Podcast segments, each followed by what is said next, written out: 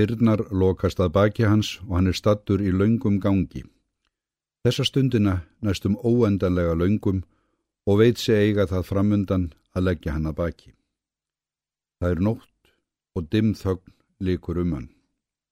Úr fjarska berast höggað eirum hans, dumb og þung með reglubundnu millibili. Hann leggur við hlustir til að freysta þess að greina hvaðan þau komi og það tekur hann nokkra stund að átta sig á að þau eiga upptök í hans eigin brjósti og hvert högg hittir þar viðkvæman blett sem kvenkar sér við ásláttin. Höfuð hans er þungt og leitar niður á við í smá rykkjum þótt hann leitist við að hamla á móti. Það er eins og heljar naglbítur hafi náð á því taki, læsi skoltum sínum um gagnaugun og herði að. Er ég fullur? spyr hann sjálfan sig. Nei, því er helvítis verð. Það var ekkert sem ég drakk. Ég hefði átt að kæra mig kollottan og drekka mig dauðan í kvelli í staðin fyrir að sitja og þvadra einhverja vittleysu. En það er á seint að yðrast þess nú. Best að hýpja sig í háttin og sofa þennan fjanda úr sér eins og venjulega. Á morgun verður svo allt samt við sig, svona eins og vant er. Hann dokar þó við ennum stund því viljin hefur ekki á þessu stíi fullu trefið ástand líkamanns.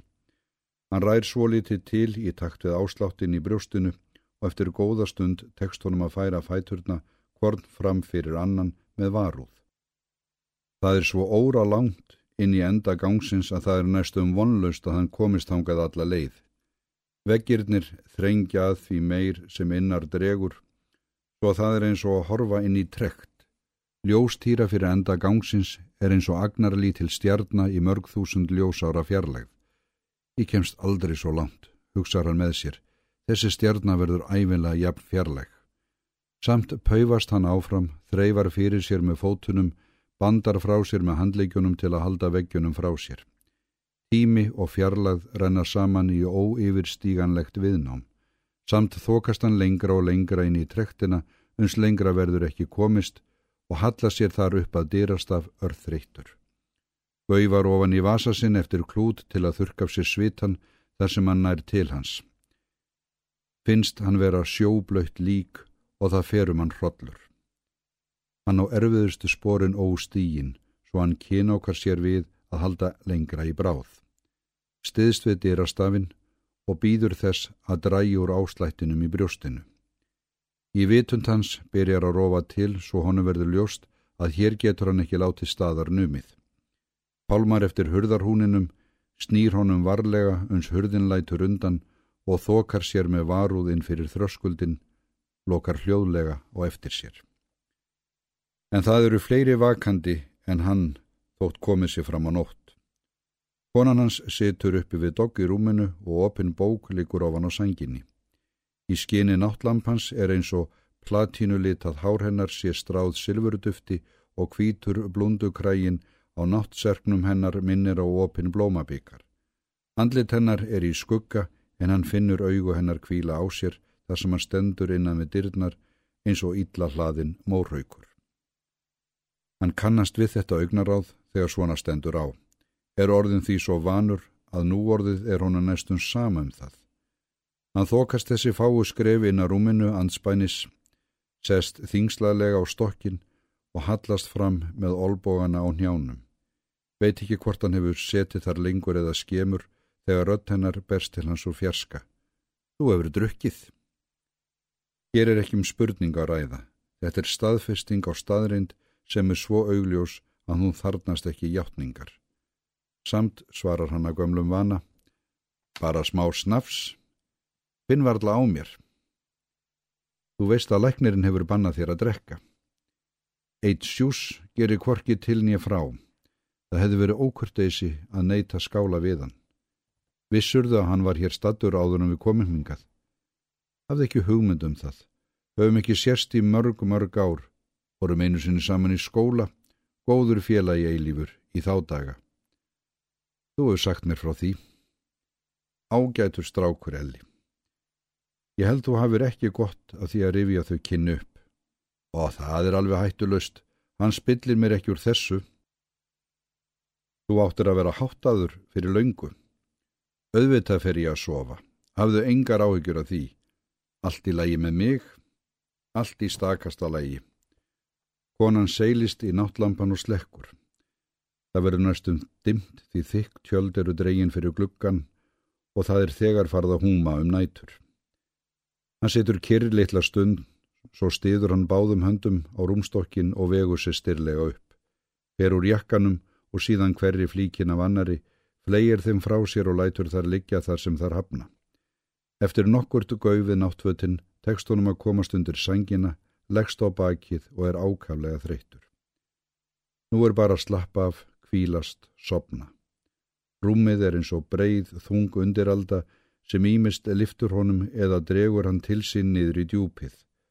Þögnin er allsaráðandi eins og í gröf sem búið er að móka ofan í.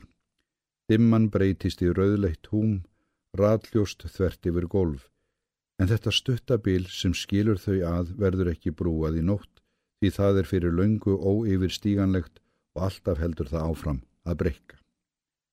Hann liggur og hlustar eftir stritandi áslættinum í brjóstinu á meðan hann býður eftir svefninum. Það er eins og þessi þungi kolfur sé að þrótum komin, drattast áfram að gömlum vana með tregðu og ólund og um solnar æðar sílast seirður dreyrin laungu hættur að yngja og endur nýja. Görótt leðja sem þreyfar sig áfram eins og blindingi eftir ósýnilegum farvegum sem sífelt þrengjast. Hann stittir sér stundir við að telja slögin. Eitt, tvö, þrjú, fjögur, fimm.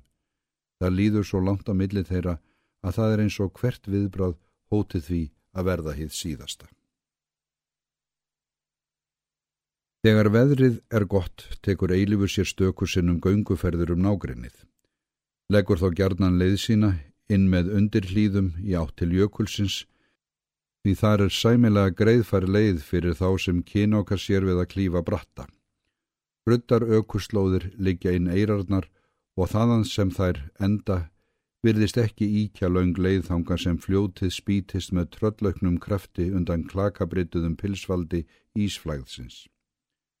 Brosin ásýnd þess er aldrei aðlaðandi en samt dregur það eins og segull sem ekki verður staðist. Hann er komin drjúan spöl inn með hlýðum þennan dag þegar hann rekst á bílinn.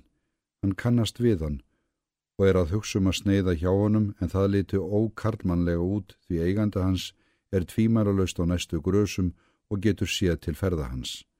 Hann staldrar við og lætur augun kvarla yfir óreglulegt landslægið og var flatlendinu og fljótlega staðnæmast þau við nýlundu í ætt við skinnvillu. Uppi á allháum bröttum kampi sem beri jökuln er kvítmynd í konulíki og svo náinn virðist hún ísbreyðunni að baki að það er eins og hún sé rist í gljáandi hjarnið. Þetta er ekki sjónkverfing því hann þekkir hana strax þótt fjarlæðin sé nokkur. Og það fer heldur ekki á milli mála að hún hefur séð til ferða hans svo það væri eins og að flýja af holmi ef hann snýri við. Til að stopna ekki sjálfsverðingu sinn í hættu, verður hann að klífa þrítugan hafaran upp til hennar hvað sem það kostar. Bergranin sem hún hefur valið sér að hásæti er torgengnari en hann ætlar. Hann verður að hlaupundir bakka með fótum með því að bera fyrir sig hendurnar. Eitt skref áfram og tvö skref aftur á baki lausamölinni. Mæði og hjartsláttur sverfa að honum en hann býtur á jakslinn staðraðan í því að gefast ekki upp. Hún situr kyrr og lætur eins og hún vit ekki að ferðum hans en hann finnur það á sér að hún gefur honum gaum og kannski gerir hún með sjálfur sér gísað bábornum tilraunum hans til að sigrast á brattanum. Á endanum kemst hann alla leið. Áður en hann gengur síðustu skrefin til hennar þurkar hann mold af höndunum á mósató réttir svo úr sér dáli til reikin yfir afreikinu. Hér verða að játa að þér hafið ekki valiðiður óvinnandi vikstöðu, segir hann og lætur skína í augrun í röddinni. Ekkert ví er svo öflugt að það standist ofureflið, ansar hún án þess að breytum svip eða reyfa sig og kannski er það ímyndun að örli fyrir háðskum undirtón í röddinni.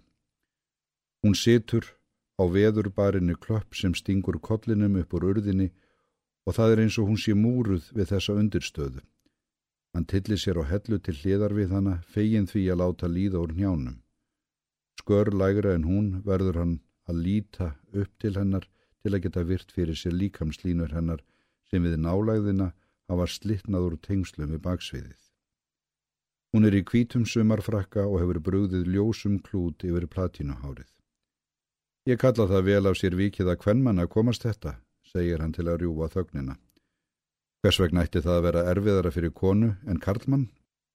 Þetta er nánast ofan í gjöf, en hann lætur það ekki á sig fá. Í fáfræði minni hef ég haldið að fjallgöngur væri ekki fyrir konur, en nú sé ég að mér hefur skjáttlast. Ég er vöna gang á fjöll. Það er sínilega ekki um neitt að villast. Þetta er auðveld brekka og ég sem helt mig hafa unnið stórkorslegt afreg með að sigrast á henni. Ef til vill hafi þér gert það. Ávera. Ef það er tekið með í reikningin að flatneskjan hefur verið minn vettvangur fram að þessu. Hún svarar ekki en heldur áfram að horfa út í fjarlæðina. Hann fær ekki séð beint í auga hennar, en veit að þau eru ljósblá og köld eins og skorinn úr fægðu svelli. Það var skemmtileg tilviljun að hitta ykkur hjónin hér, segir hann til að þreyfa fyrir sér. Við vorum einu sinni góðir félagar maðurinn yðar og ég. Hann hefur sagt mér frá því, hans ar hún hlutlaus. Við vorum næstum eins og bræður í mörg ár, sessunautar í skólanum og ég heimagangur hjá foreldrum hans. Það var gott að eiga hann að á þeim árum. Konan lítur á hann en hún segir ekkert og það verður ekki ráðið að svip hennar hvað hún hugsar. Sjáu þér til, heldur hann áfram til að gefa ekki sinn hlut upp á bátinn. Ég var alltaf væskill og auk þess kjarklaus. Haraldur var sterkur og æminlega ósmeikur á hverju sem gekk. Þegar strákarnir þóttust þurfa að ná sér niður á mér var honum að mæta. Það er ekki það versta að vera strákur og meðan það á við, segir hún. En það er slemt fyrir þann sem getur ekki vaksið upp úr því. Það getur líka verið vafarsamt keppikefli að verða fullorðin, svarar hann. Flestir verða það þó, hvort sem þun líkar betur eða ver, en þegar öll er á botnin kvöld getur það verið holdt að varveita strákinni sjálfum sér í lengstu lög. Hefur yður tekist það? Engan veginn, því miður. Á vissu aldurskeiði ámaður þá einu ósk að verða fullorðin og þá sérst manni yfir allt annað. Eftir dúk og disk rennur það svo kannski upp fyrir manni hvað hefur tapast en þá er það oftast orðið of sengt. Konan sker á samtalstráðin með því að standa upp. Svo tekur hún að feta sér niður brattan án þess að líta við. Reyfingar hennar eru örugar og henni skrekar aldrei fótur þótt viðnámið sér stundum í tæpara lægi. Hún er nánast ókurteis en hann verður að kingja gremjunni og halda í slóð hennar. Það er síst auðveldar að ganga undan brekkunni en að hafa hann í fangið. Hann verður máttlaus í njánum, rennur í lausamöl, dettur á rassin og er logandi hrættur um að hafa rifið buksurnar. Rublast á höndunum þegar hann ber þær fyrir sig til að verjast falli. Hún verður góðan spöl á undan honum, niður á jafnsléttu og býður þar eftir honum. Vafalust er henni skemmt við að horfa á klöfsku hans þótt hún láti það ekki uppi. Inga til hef ég álitið það vandalust að ganga undan brekkunni, segir hann eins kæruleysislega og honum er und til að dilja minnumáttarkendina. Þorfærurnar eru til þess að kenna manni að standa á eigin fótum, segir konan. Það eru ekki allir sem standast prófa því tægi. Þér hafur hublaðiður á höndunum. Það er ekki neitt alvarlegt, ansar hann þurrlega þerrar fleirinn með vasaklút. Hún bendir á lækjar sitru skamt frá. Þvoðiður um hendurnar, ég hef plástur í bílnum. Hún geðjast ekki skipunartótnin í orðum hennar en reyfir samt ekki mótmælum. Hún gengur að bílnum og tekur þar fram plástur á meðan hann þvær skrámurnar og skellur honum snögt og dálitið hardneskjulega yfir fleirinn. Ég lít út eins og ég hef lendi meira áttar slisi, segir hann að því loknu og virðir fyrir sér hendur sínar.